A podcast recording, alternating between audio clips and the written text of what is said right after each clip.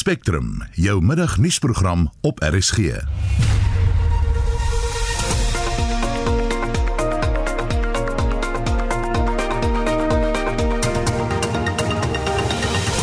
die program wat duur tot 1 uur, kritiek teen die besluit om 'n student 5 jaar tronk toe te stuur nadat sy geld wat verkeerdelik deur NSFAS aan haar oorbetalers gebruik het.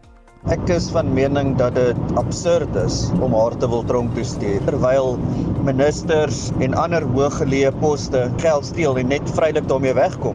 Rus die onus nie op die ou wat die geld inbetaal het nie. Die uitredende polisiekommissaris Kegla Setole gooi wal oor die Julie 2021 onluste, veral wat die intelligensiediens betref.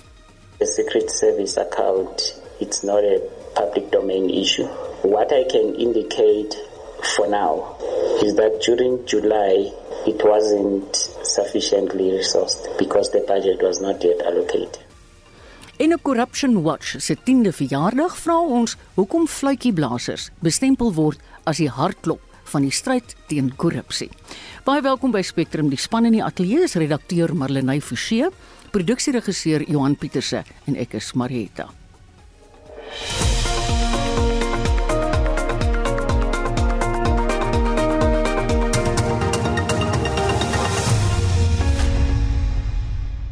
Die student van die Walter Sisulu Universiteit, Bongile Mani, is gister in die Oos-London se Landdroshof weens diefstal tot 5 jaar tronkstraf gevonnis. Dit hou verband met NS vasgeld van 14 miljoen rand wat in haar rekening inbetaal is. Die landdros Twanet Olivier sê tronkstraf is die enigste gepaste straf omdat Mani sowat 800 000 rand oor 3 maande aan luksede bestee het. Haar regspan het aangedui dat hulle teen haar skuldigbevindings en vonnis gaan appeleer. Die kwessie lok heelwat reaksie uit op sosiale media met die gonswoorde NSFAS en Sibongile Mani. Heel party luisteraars het hulle menings met ons gedeel. Rus die onus nie op die ou wat die geld inbetaal het nie. Dis mos hulle wat die fout gemaak het. Maar ek is seker dit was myne want ek het eendag R14 met lotto gewen en ek was oortuig hulle die nulle vergeet. Van Rensburg hier. Ek is van mening dat dit absurd is om haar te wil tronk toe stuur. Sy is skuldig. Sy het geld gevat en gebruik wat nie haarne is nie. Maar sy is 'n student. Sy het nie die geld in haar eie rekening inbetaal nie. Daar is ander maniere om so 'n persoon te straf. En dit als terwyl ministers en en ander hooggeleë poste mense geld steel en net vrylik daarmee wegkom sonder enige vervolging in enige vorm. Dis 'n Jupium vryheid nee, weet jy, die straf is 'n bietjie erg. Ek meen 5 jaar tronkstraf vir 'n jong dame, maar aan die ander kant is dit die wet moet ook sy gang gaan. Daai persoon was 'n intelligente persoon. Sy was toerekeningsvatbaar. Ek sê het geweet dat dit verkeerd is wat sy doen. Sy het eintlik in geweet dat daardie geld nie aan haar behoort nie. Met ander woorde, jy kan dit maar amper amper vergelyk asof sy dit gesteel het. Maar die straf is 'n bietjie taaf, maar ek sê vir jou sê alle sterkte vir haar. Ek het eendag ook geld in my rekening ontvang van 'n maatskappy, 'n redelike groot maatskappy. Ek dink dit was hier in die 30 40000 rand en ek het dit daar gelos en ek het hulle gekontak net om uit te vind by ou en dat hulle 'n fout gemaak het om my nie genoeg oor 'n sekere tydperk te betaal nie en met verligting was die geld myne maar dit kan net sowel andersom gewees het. Ek dink die tronkstraf piekfyn mense as hulle wil spend en oneerlik wees dis diefstal. As jy lieg, lieg jy en as jy steel, steel jy. Lisa van Pretoria. Nee, ek stem nie saam met hierdie vonnis van daai vrou nie. Ongeag of sy van die geld gebruik het. 5 jaar is bietjie te veel. Ons sit met 'n regering, 'n ANC kabinet vol van staatskapers. Hulle is almal vry. Hierdie arme vrou het verkeerdelik geld gekry. Sy het besluit om van dit te gebruik. Wie sou nie in vandag se tyd? Ek sou ook sê die ou wat daai geld verkeerdelik in haar rekening inbetaal het, moet maar ook afbetaal word. Want duidelik kan hy nie sien nie, want sover ek weet, werk hy op rekeningnommers. So hulle moet hom ook bietjie fire. Versoekings word nie verniet in die Onse Vader gebed aangespreek nie. Werkende, vermoënde prokureurs wie goedertrou aan hul kliënte verskuldig is, soog voor versoekings en gebruik geld wat hulle in trust moet hou vir hul kliënte. Hierdie is 'n armsalige, nie vermoënde kind Iewes skielik is daar bedrae wat sy in haar lewe seker nie ooit kon dink dit in haar rekening sal beland nie. Ek dink die vonnis hou net nie tred met realiteit nie. Ja, ek dink hier is 'n slegte deal nie. 5 jaar waarvan sy teen in 'n jaar en 'n half gaan doen. 800 000 rand. Sê vir my sê ek moet 'n jaar en 'n half eh, in die tronk sit vir 800 000 rand, sal ek dit dalk oorweeg. ja. Dis wat van ons luisteraars te sê gehad het oor die 5 jaar tronkstraf wat aan Sibongile Mani opgelê is. Maar ten einde die regsaspek beter te verstaan oor hierdie vonnis, praat ons nou met die strafregkenner advokaat François Botha. Hallo François. Hallo Marietta. Is die straf van 5 jaar tronkstraf vir die diefstal van pas? Die vraagstuk is of die of dit 'n geskikte en 'n gepaste vonnis is. Met ander woorde, is die vonnis gepas vir die misdryf wat gepleeg is. Daar daar is 'n baie groot debat in die regs ehm um, kringe. Wat is 'n geskikte en wat is 'n gepaste vonnis? Met ander woorde, is dit so skokkend van aard dat dit woede en dat dit onmin uitlok by die publiek. Ek dink glad nie so nie. In hierdie spesifieke omstandighede het die beskuldigde of die oortreder presies geweet wat sy gedoen het, wat daardie geld haar nie toekom nie en wat die gevolge daarvan sal wees as sy dit onregmatig aanwend. Wat sou die landros as verswaarende omstandighede beskou het in die oplegging van hierdie vonnis? Ek dink daar is 3 baie belangrike en fundamentele aspekte. Een, as die beskuldigde aangedui het dat sy bereid is om die geld terug te betaal, dan sal dit versagtend wees. Nie die feit dat sy besluit het um reg of verkeerd of sy dit kan bekostig of nie, dat daardie gat, met ander woorde daai leemte gaan nie gevul word nie, dit is verswarend. Twee, die tydperk. Ek meen sy het tog gesien en sy was bewus daarvan gewees dat so 'n klomp so 'n groot som geld in haar bankrekening inbetaal is. Nou daar is 'n opset en daar is 'n nalatigheidselement en kriteria ook. Die feit dat sy nie na 'n bank toe gegaan het en gesê het hier moet mos iets fout mm. wees. Ek meen ek kan mos nie op so 'n meevallertjie geregtig wees nie. Natuurlik is dit verswarend. Sy het miskien reg of verkeerd was het sy gehoop dat niemand sal dit agterkom nie en dan kom sy daarmee weg. Die derde punt natuurlik is ons praat nie van iemand wat nie geleerd is nie. Ons praat met iemand wat 'n student is wat weet wat kan onderskei tussen reg en verkeerd. Dit is verswarend. Ek wil jou tog vra Frans, wat daar is 'n verskil tussen nalatigheid en opset. Wil jy nie net vir ons verduidelik hoekom die persoon wat die geld oorgeplaas het, nie ook strafregtelik vervolg word nie? Natuurlik speel opset 'n baie belangrike rol. Opset moet daar wederregtelikheidsbewussyn wees. Net om dit te verduidelik, as jy weet dit is verkeerd om te steel of om te moor of om te roof, maar jy doen dit nog steeds en jy versoen jouself met die gevolge daarvan, dan het jy opset om daai spesifieke misdryf te pleeg. Nalatigheid is byvoorbeeld waar ek geld in jou rekening moet oorbetaal, ek kry die vorm voor my, ek sien die 8 as 'n 0, ek pons 'n 0 in en jy bel my na 'n dag of twee en jy sê vir my François, die geld is nie in my rekening nie en ek sê vir jou Marietta, maar dit is. En ek kom agter ek het 'n vingerfout begaan. Ek het nie opset gehad om jou te benadeel nie. Dit was nalatig geweest. En dit is wat die persoon 10 teen 1 gedoen het in die departement wat die transaksie moes gelaai het. Ja. Ek stem saam. Daai persoon was op alle waarskynlikhede nalatig geweest, maar dit vat nie die toerekeningsvatbaarheid, die wederregtelikheidsbewussyn by die persoon wat dit ontvang het weg nie. Dink jy die regter sou 'n ander uitspraak gelewer het as hy die 800 000 nie aan luukse goedere en aan drank spandeer het nie, maar sê net maar aan lewensmiddels ten einde te kan oorleef? Ek dink nie so nie. Ek dink die blote feit dat sy besef het as sy 1 sent daarvan vat en dit gebruik, het sy op luukse handsakke, juweliersware of net vir gewone kruideniersware en alledaagse gebruik. Die feit van die saak is dit bly verkeerd. Hmm. Dit mag miskien 'n rol speel in 'n regter se denke, want jy moet ook een ding verstaan. Die die 'n vonnis het primêr ten doel om as 'n afskrikmiddel te dien, om as vergelding te dien en ook natuurlik dat die dat die persoon, die beskuldigde gerehabiliteer moet word, mm. want die beskuldigde moet tog in tot inkeer kom en besef, maar ek kan dit mos nie doen nie. Maar wat is die boodskap wat 'n regter na die publiek toe uitstuur as hy vir haar 'n boete gee of 'n opgeskorte vonnis gee of net 'n jaar tronkstraf gee. Wel, die boodskap wat ek sal kry is, dis reg. Gaan steel 800 000 rand of 'n miljoen rand, dan gaan ek ook mos net 'n opgeskorte vonnis kry. En dit moet ons verstaan. Die tyd in die dag en die uur in Suid-Afrika dat mense hulle self verryk ten koste van ander onskuldige slagoffers is verby. François, 'n regsman het nou aangedui hulle gaan teen haar skuldigbevindings en vonnis appeleer. Wat dink jy is die kanse dat die appel suksesvol sal wees en dit sy dan moontlik 'n verminderde vonnis opgelê gaan word? Daar's twee aspekte. Een, ek dink die aansoek om verlof tot uh, die die appel met betrekking tot die skuldigbevinding, die vooruitsigte op sukses is uiters skraal indien nie nul nie.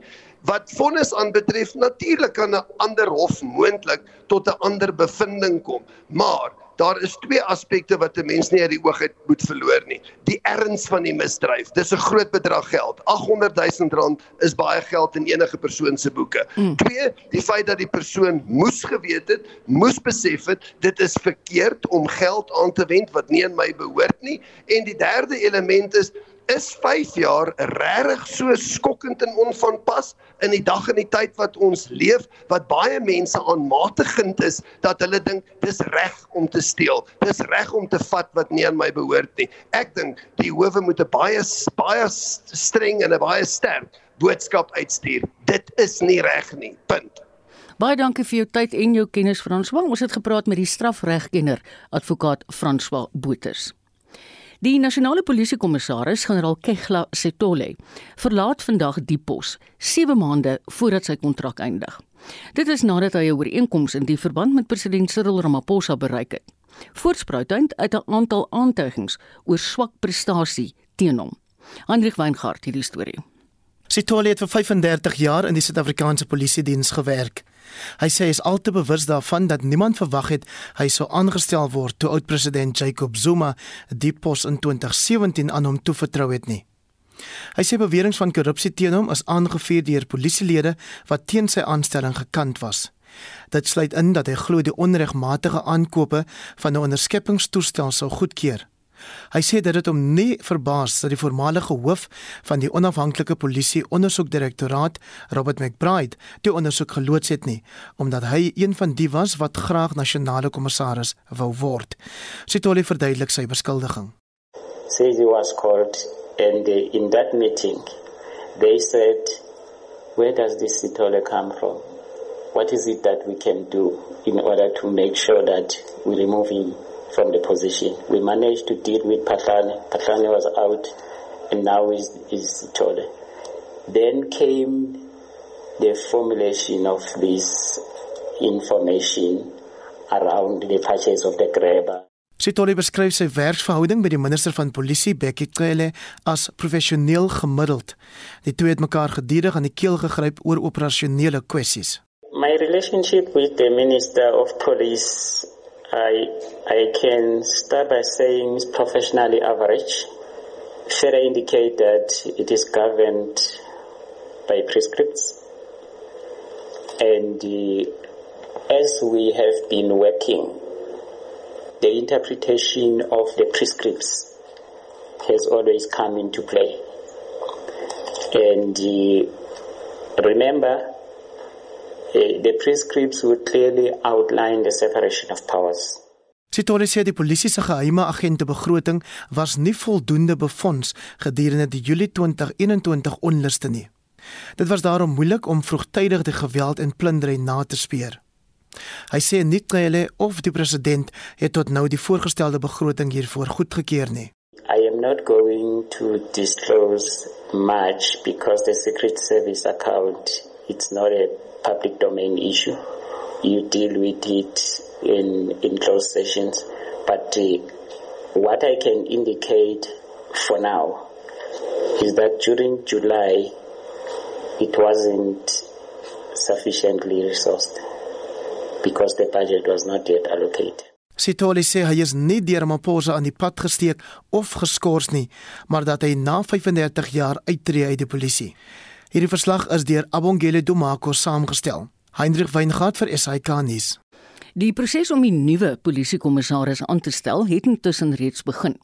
Volgens die organisasie Action Society is die proses hoegenaamd nie deursigtig genoeg nie. In 'n mediaverklaring hieroor waarsku Action Society dat dit kan lei tot 'n verdere agteruitgang in die polisiediens. Meer hieroor môreoggend in Monitor. Fluitjieblassers is die hartklop van die stryd teen korrupsie in Suid-Afrika. So sê die organisasie Corruption Watch in sy spesiale verslag Pushing for Change ter viering van sy 10de bestaanjaar. Die organisasie is gestig toe korrupsie aan die toeneem was in Suid-Afrika. Sittenin is staatskaping korrupsie van etlike miljarde rand met behulp van fluitjieblassers oopgevlek en ondersoek. Ons praat nou met Corruption Watch se inhoudsbestuurder Janine Erasmus. Hallo Janine. Uh, goeiemiddag Marietta. Hoe belangrik is die rol van fluitjieblassers in die oopvlek van korrupsie? Ehm um, Marietta, fluitjieblassers is ons hulle is ons geheime wapen. Wel, nie so geheimlik nie, maar hulle is wel uh, 'n uh, baie baie belangrike ehm um, wapen in die stryd teen korrupsie. Ehm um, vir ons as Corruption Watch, ons maak staat op die publiek om ehm um, voorvalle van korrupsie by ons aan te meld. Hmm. Ehm um, en die die inligting wat wat hulle aan aan ons verskaf word gebruik om ehm um, soos byvoorbeeld veldtogte, navorsing, uittrekgeleentheid uh, uittrekgeleenthede te ontwikkel. So hulle is die bron van ons werk, die bron van ons data en sonder hulle ehm um, kan ons kan ons nie ons werk doen nie. Janine, het julle oor die afgelope paar jaar gesien dat fluitjieblassers se lewens al hoe meer bedreig word? uh definitief Marietta. Um ons ons moet net dink aan um laas jaar in die middel van die jaar is uh Babita Diokaren mm, mm. gruwelik vermoor. En um Ethel Williams moes um moes van sy sy vaderland vlug. Ja. Hy moes oor see gaan. Mm. Want uh want want hulle lewens oh, wel Babita se se lewe is is is gevat, gesteel en Ethel se lewe was in gevaar. So dit is dit is baie baie gevaarlik vir hulle. En al hoe meer omdat die die regering doen nie genoeg om vletjieblassers te beskerm nie en en ook aan te spoor nie. Dit moet ek sê dink ek weet ons vir die publiek kan dit self baie duidelik sien. Dit is eintlik regtig maar nie 'n ideale situasie nie. Janine, hoe het korrupsie oor die afgelope 10 jaar in Suid-Afrika verander en toegeneem? Ehm um, Mariette, ek dink uh ons is baie meer bewus van korrupsie deesdae as wat ons was in daai tyd. Ehm um, dit lyk asof uh korrupsie ehm um, erger geword het. Daar's geen twyfel dat dit nie beter word nie. Ehm um, of ten minste die die omvang daarvan is groter as wat ons gedink het. So uh maar uh dit dit is ook 'n 'n goeie ding ehm um, want hoe, hoe meer dit bekend gemaak word en na die oppervlak kom, mm. hoe meer voorbereid is ons om om dit aan te spreek en hoe beter toegerus is ons om oplossings te vind. So ja. ehm ja. um, ja, so, so ons moet ook ons kan bring. Ja. Ja, ja. Janine baie dankie. Ons het gepraat met Corruption Watch se inhoudsbestuurder Janine Erasmus. Die Universiteit van Wes-Kaapland gee 'n nuwe tuiste vir die gevierde fotojoernalis Rashid Lombard se omvattende argief. En ons praat nou met Lombard oor die blye tyding. Goeiemôre Rashid. Goeiemôre Marie. Um uh and really I feel more comfortable in English if you don't mind but you can ask questions in Afrikaans. Nee, dis doodreg. Dis doodreg. Hoe okay. presies hoe groot is jou versameling Rashid? Well, you know, it's been over my age. It's been now over 50 years that I've been saving and preserving my archives. My photographic, just the photographic, is made up of just over 500,000 negatives. Um, and then, of course, there are posters and flyers and videotapes. So it's a huge collection of uh, various uh, heritage resources, which which uh, which it is. Yeah. Rashid, wat is vir jou die belangrikste? Fotos oor die land se politieke geskiedenis of die jazzmusikante wat jy al op film vasgelê het?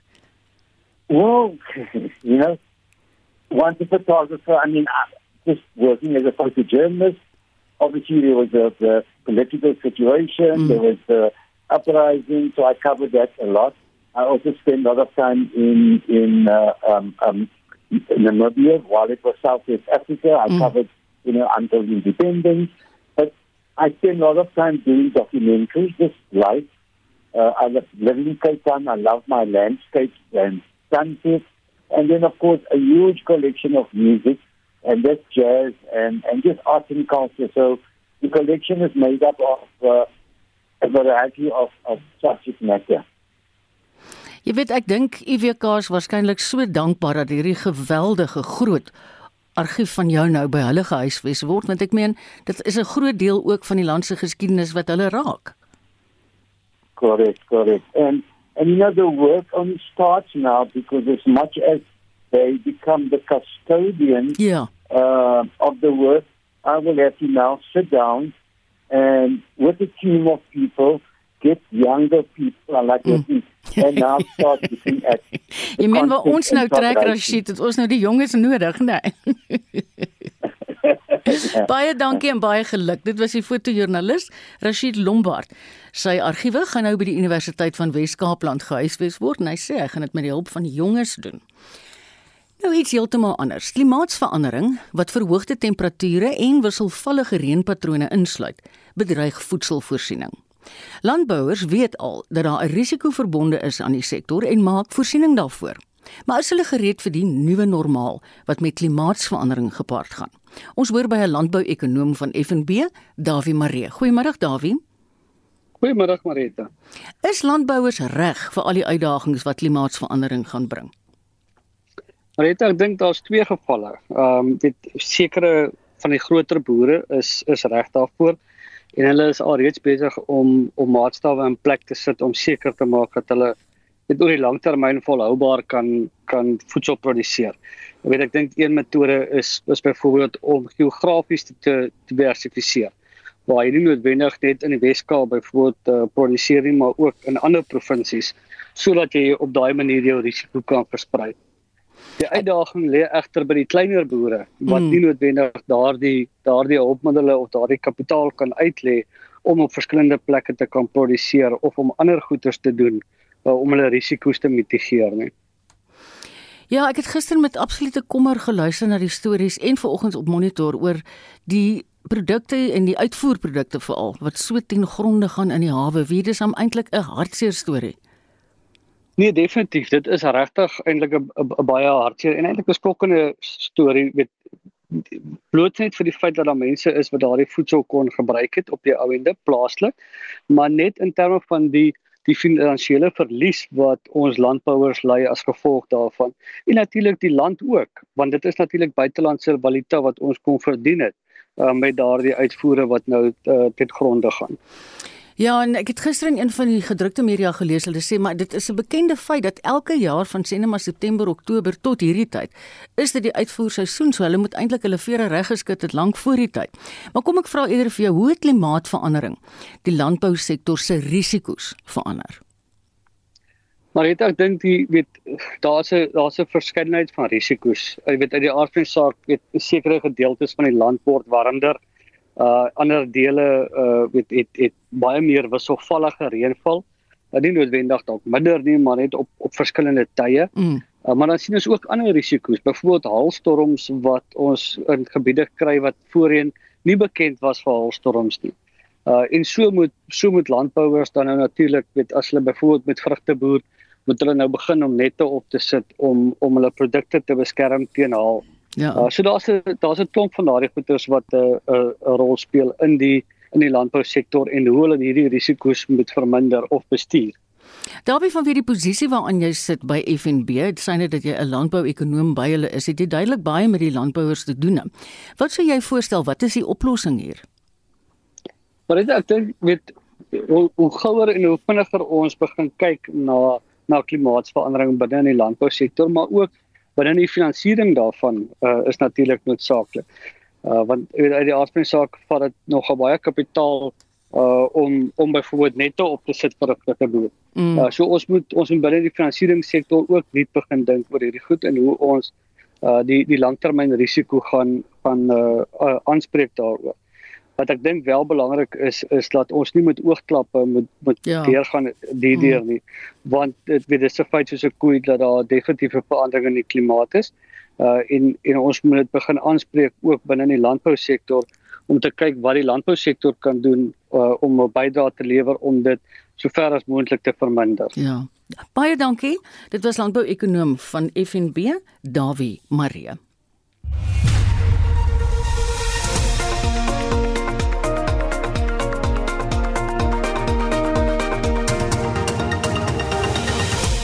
Wat jy nog te wagte kan wees in vandag se Spectrum, die vakbond Nomsa waarsku dat sy lede in die bussektor gaan staak net voor Paasnaweek. 'n Vermaaning aan Suid-Afrika om nie die spot te dryf met Bafana Bafana nie, veral nie na hulle 5-0 nederlaag teen Frankryk nie. En die Hubble teleskoop ontdek die verste ster van die aarde af.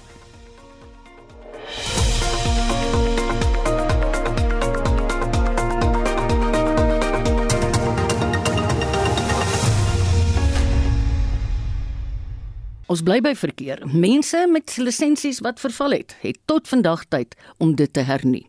Die minister van vervoer, Fikile Mbalula, het vroeër aangekondig hy gaan nie weer die grasie tydperk verleng nie. Ons praat nou met 'n woordvoerder van die Automobielassosiasie, Luiten Beerd.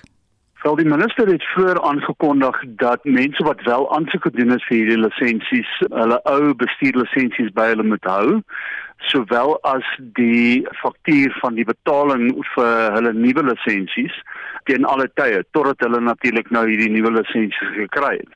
En indien hulle wel gestop is deur die owerhede, kan hulle dan al twee hierdie dokumente wys aan die verkeersbeamptes en hulle sê wel dit het verval, maar hier is die dokumentasie wat bewys ek het aansoek gedoen daarvoor en die minister het ook gesê dat die huidige lisensies vir 'n periode van 3 maande nog geldig gaan wees. So natuurlik is dit 'n goeie stap deur die regering en deur die minister en ek dink dit gaan baie mense gerusstel dat alhoewel hulle nou nog wag vir hierdie nuwe kaarte, hulle is wel binne die wet en hulle gaan so optree ten minste vir 3 maande. So ons hoop natuurlik dat daai kaarte binne daai tydperk aan hulle deurgegee is. Dink jy 3 maande is lank genoeg? Ek dink op hierdie stadium is 3 maande genoeg. Ons sal moet natuurlik kyk en sien hoe dit uitspeel oor die volgende paar maande ten opsigte van die uitlewering van hierdie kaarte. Ons groter probleem natuurlik is die mense wat nog nie aansoek gedoen het vir hierdie dokumente nie weens verskeie probleme by die toetssentrums en met die aanlyn stelsel.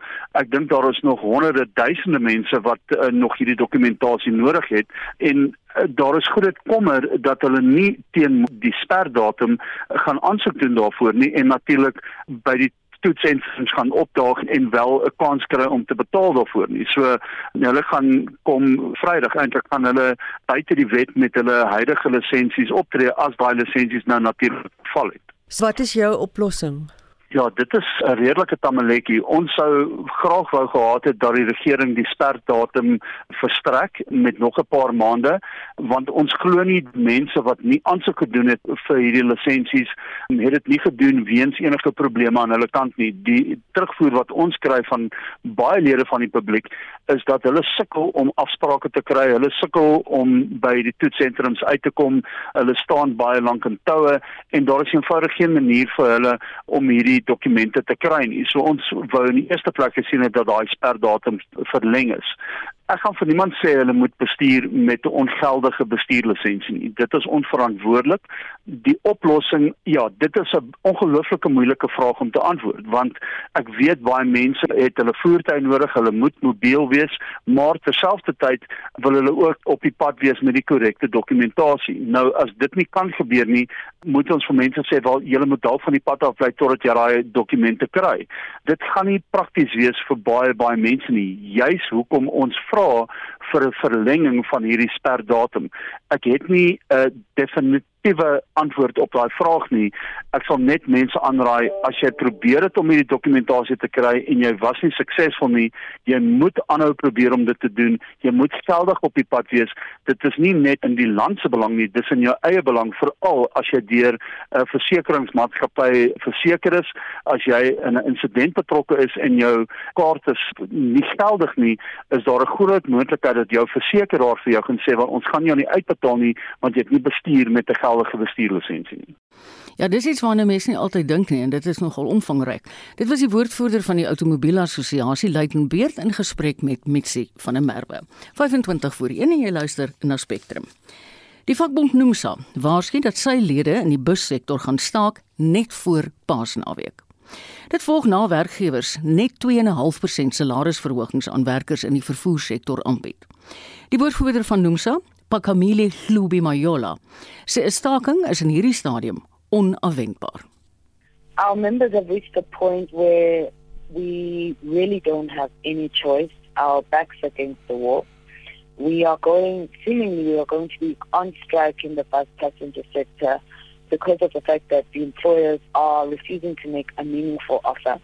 We've been engaged in wage talks since February to renew, because every year we have to have a new wage agreement. And we have made, we have tabled our demands, they've tabled theirs, they're not willing to compromise. And as things stand, because we remain deadlocked, if we're unable to unlock this deadlock, we will be on strike. Hlubi Majola sê dit reeds vroeër die maand 'n geldige stakingssertifikaat bekom. When you consider the dates, because we've received the strike certificate on the 14th of March, and in terms of the process with a 30-day cooling off period, we are likely to be on strike just before Good Friday weekend. Sy sê hulle vra reeds om verskoning vir die ontwrigting wat die staking gaan veroorsaak, maar hulle het geen ander keuse nie. Where we are at the moment, we are demanding for example a 10% across the board increase for our members.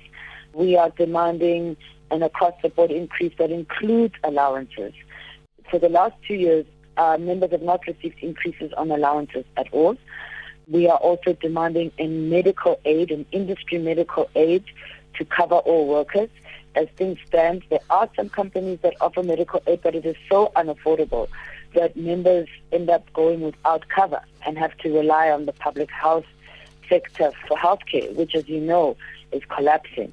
And you must understand, these are workers who the lowest paid earn 7,800 rand. Our members have made major sacrifices during COVID in 2020 and 2021, where we agreed to low increases, to no increases at all on allowances in order to support the sector, and employers don't want to give back a cent. Dit was die woordvoerder van Nomsa, Pakamile Hlubi Majola. Ek is Susan Paxton vir SAK nuus. Die derde dag van die openbare sektor beraad in Kempton Park het gefokus op die handves van die sektor en menslike hulpbronne bestuur. Meganismes om staatsdienswerkers se regte te beskerm deur kollektiewe bedinging is bespreek, terwyl vakbonde intussen aandring op salarisverhogings gelykstaande aan die verbruikersprysindeks wat tans op 5,7% staan. Heinrich doen verslag. Die staatsdienssektor se kollektiewe bedingingsliggaam het beleidsmakers aangespoor om aan te pas in ooreenstemming met marktoestande wat betref die vergoedingsbeleid en die staatsdiens handves. Hier is die minister van staatsdiens en administrasie, Ayanda Dlorlo.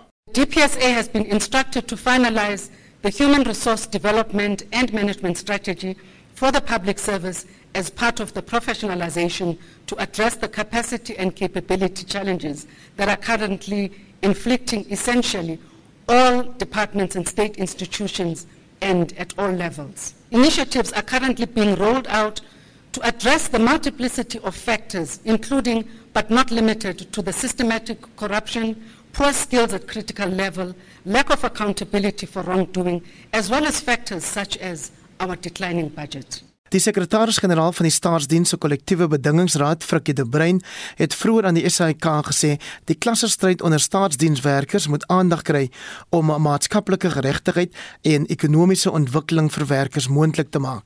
Parties need to address the rising concern around the concept of the missing middle class that purports to be growing within the public service, where employees find themselves either too poor or too rich to ensure the basic needs of his or her family is met.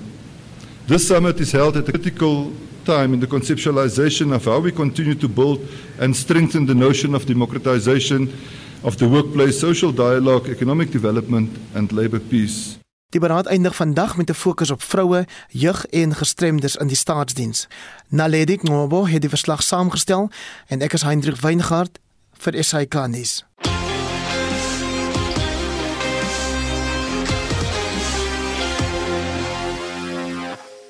Is 20 voor 1 en is tyd vir sportsake. Ten spyte van die groot opgewondenheid oor die vroue kriketspan se kanse om die eendag wêreldbeker huis toe te bring, het die Engelse Rose die Proteas weer getroof in die halfeindstryd.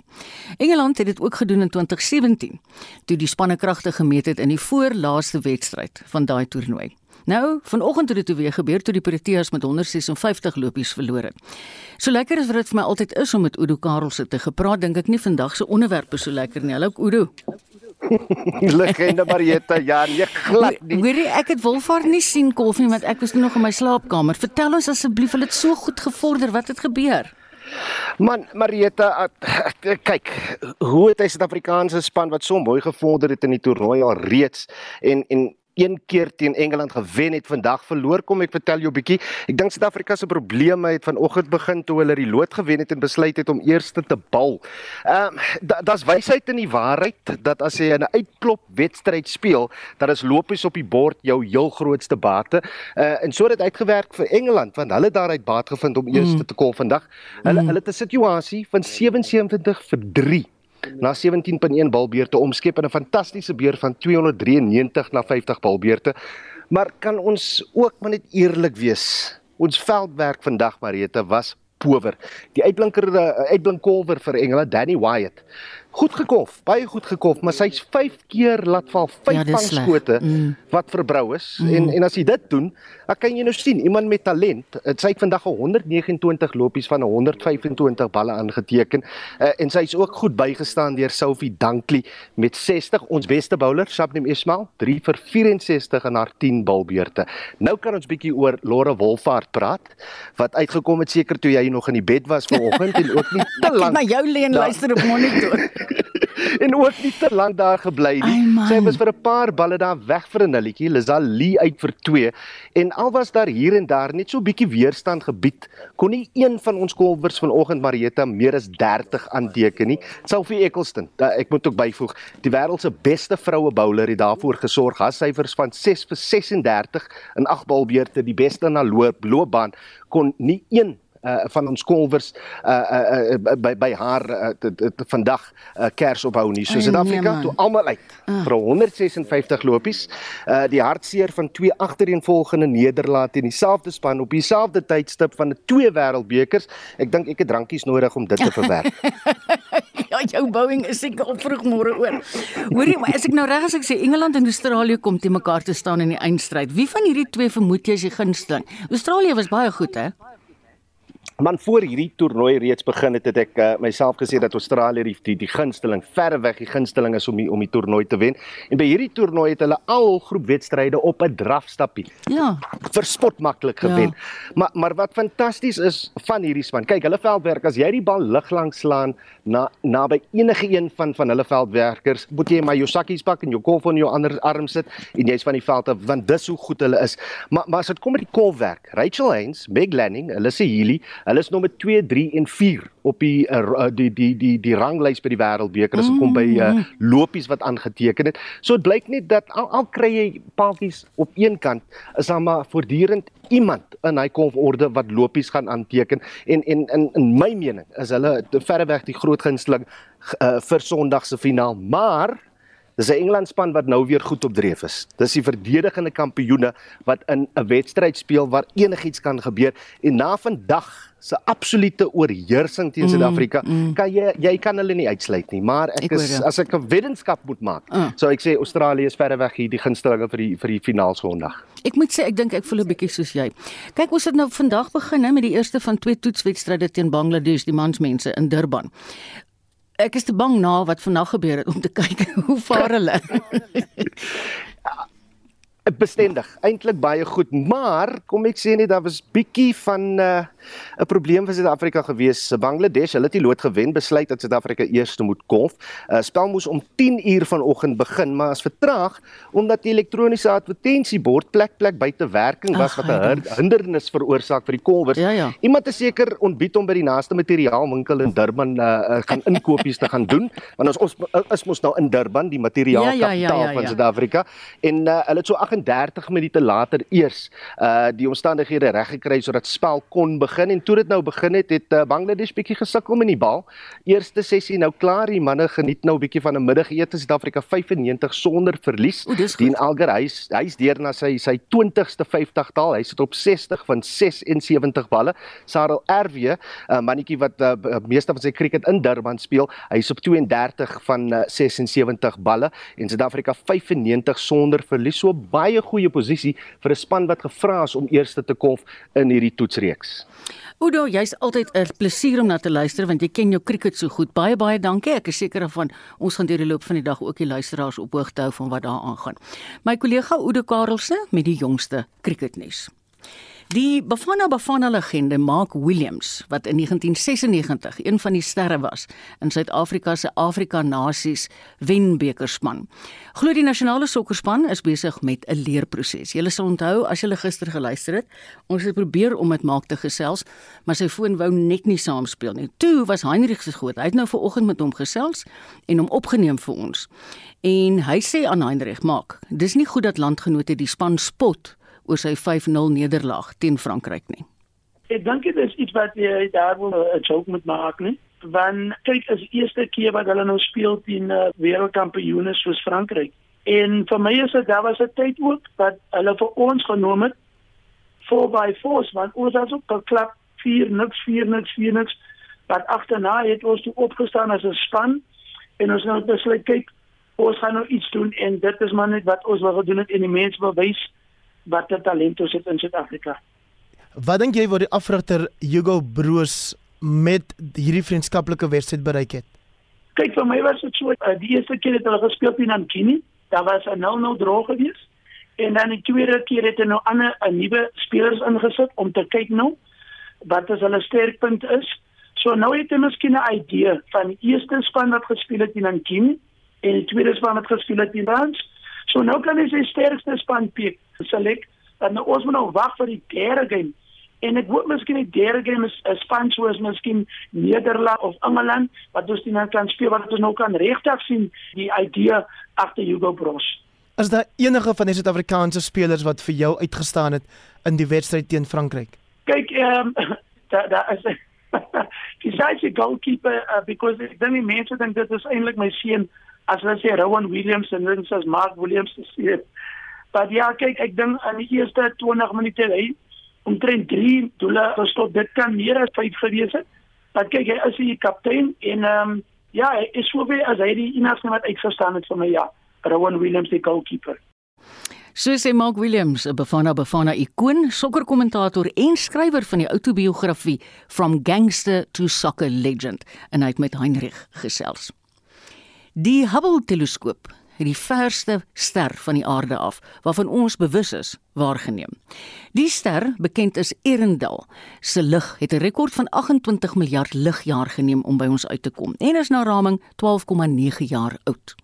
Die buitengewone professor aan Noordwes Universiteit se sentrum vir ruimtenavorsing, Pieter Kotse is op die lyn. Hallo Pieter. Hallo, goeiemôre uh, Marieta. Behalwe nou vir die nuwe rekord wat opgestel is, wat is nog merkwaardig aan hierdie ontdekking?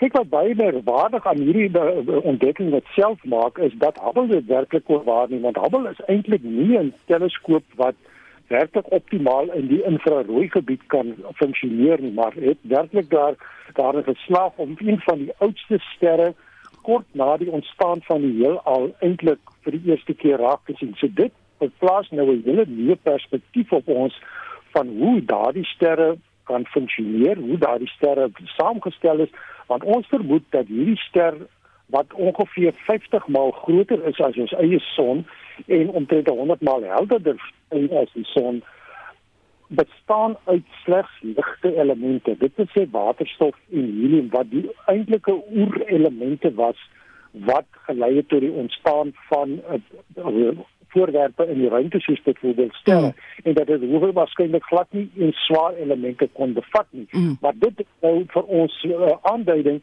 dat ons werklik ver in terug in die tyd werklik kan sien want hierdie ster soos ek genoem het is ongeveer uh, ontstaan net so ongeveer 1000 miljoen jaar na die ontstaan van van die heelal self.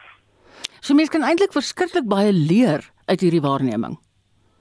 Dis ongelooflik dat openbaar 'n basis nou vir ons 'n nuwe uh, perspektief op die ontstaan en die ontwikkeling van die heelal en wat dit dan ook vir ons moontlik maak om te so ver terug in die tyd te kan sien wat eintlik as wanneer soos die soos die heelal basies uitdei en groter word en ouer word verskuif die lig wat hierdie sterre uitgestraal het nou na die infrarooi gebied en dit is waar die William Webb of die James Webb teleskoop nou werklik tot sy reg gaan kom en dit wil sê eintlik gaan komplementeer wat op hierdie oomblik of wat tot dusver deur die, die uh, Hubble teleskoop uh, uitgevind is en ook ontdek is. Is ek reg as ek die naam uitspreek Erendel? Dis ongeveer ja dit is erin ja ja so dit is 'n ongeveer die, die vorige die vorige snaaks genoeg die vorige oudste ster wat ongeveer 9 miljard jaar oud is uh -huh. het hulle Methuselah genoem so Ach, dit is toch. ook 'n van betekenis maar weet jy waar hierdie naam op die op van ja, die ja, ja. ster vandaan kom ehm um, Pieter hoe het hulle dit reg gekry om dit so geheim te hou dat ons glad nie dit wis nie Kyk, NASA is geneig daartoe om hierdie ontdekkings baie naby aan die bors te hou en dit nie sommer uh wat sê uh openbaar te maak nie, behalwe wanneer dit vir die eerste keer in 'n tydskrif verskyn. Oh, ja. Hierdie uh, mm. uh, rig op die artikel het nou so pas verskyn in Goed. een van die Nature uh, wat 'n baie prestige uh, tydskrif is verskyn en het hulle dan ook van hierdie geleentheid gebruik gemaak om dan nou dit as 'n aankondiging te doen en dan so as 'n vuur in die hoed vir NASA te Ja, dit is 'n vuur in die hoed, een ding.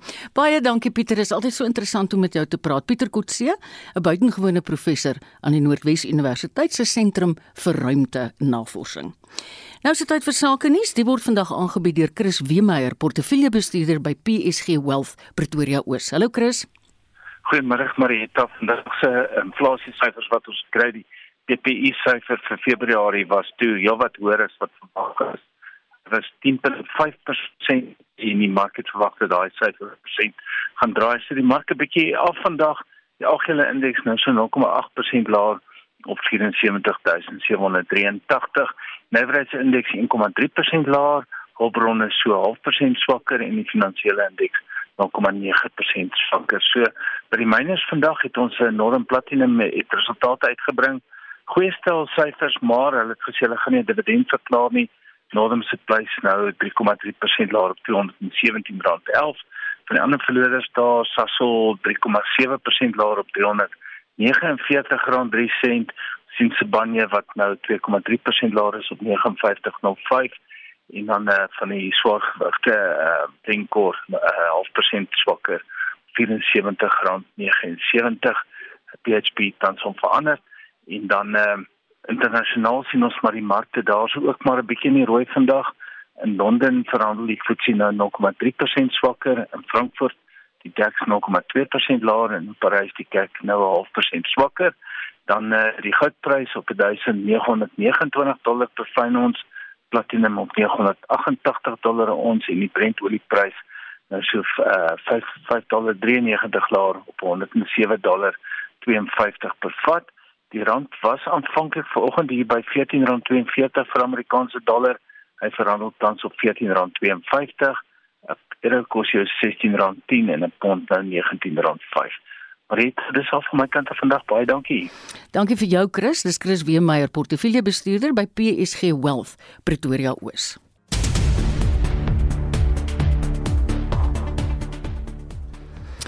Die 5 jaar tronkstraf wat die Walter Sisulu Universiteit student Sibongile Mani opgelê is omdat sy 800 000 rand van die nasionale studente finansieringsskema wederregtelik bestee het.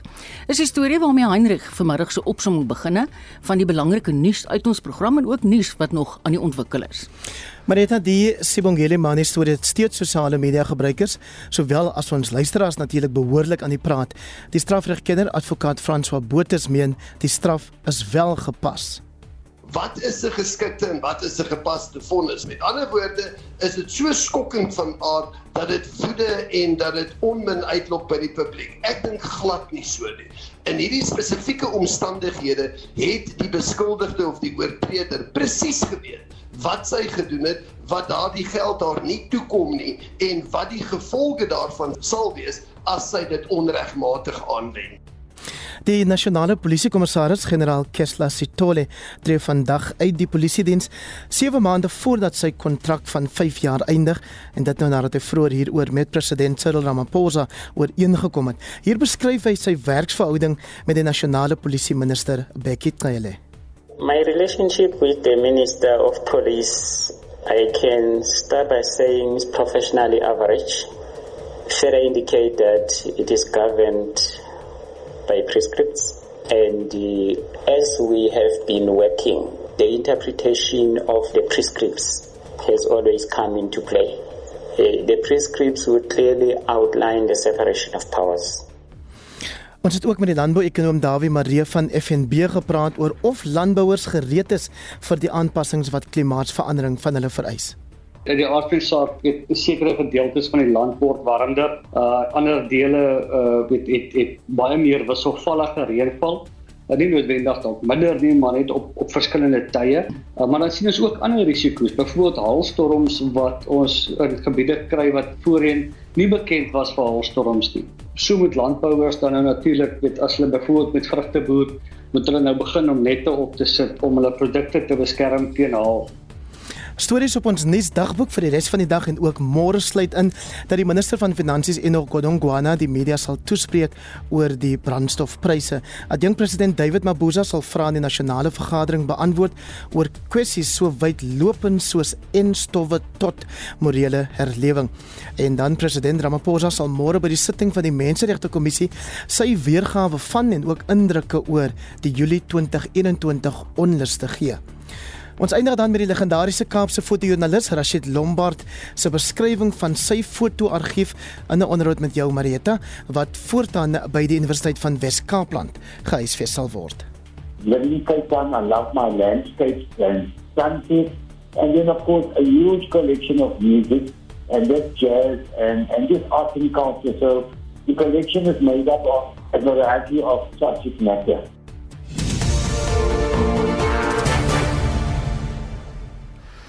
Ek was nou te aangedaan om behoorlik vir Heinrich te groet want julle gaan my nou nie glo nie. Hy het in 2015 by ons begin hier by RSG met kommentaar.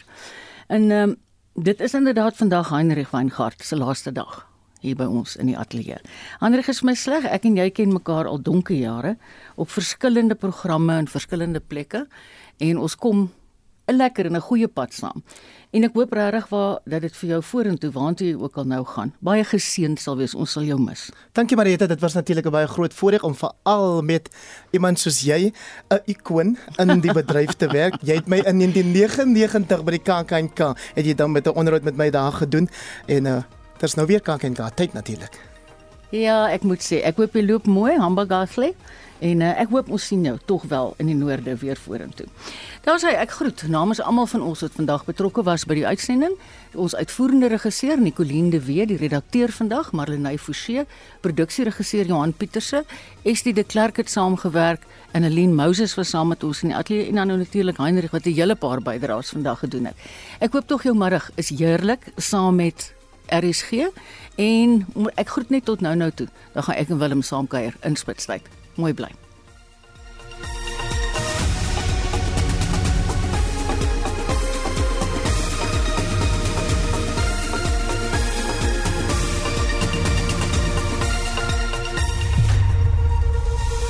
SAK nuus.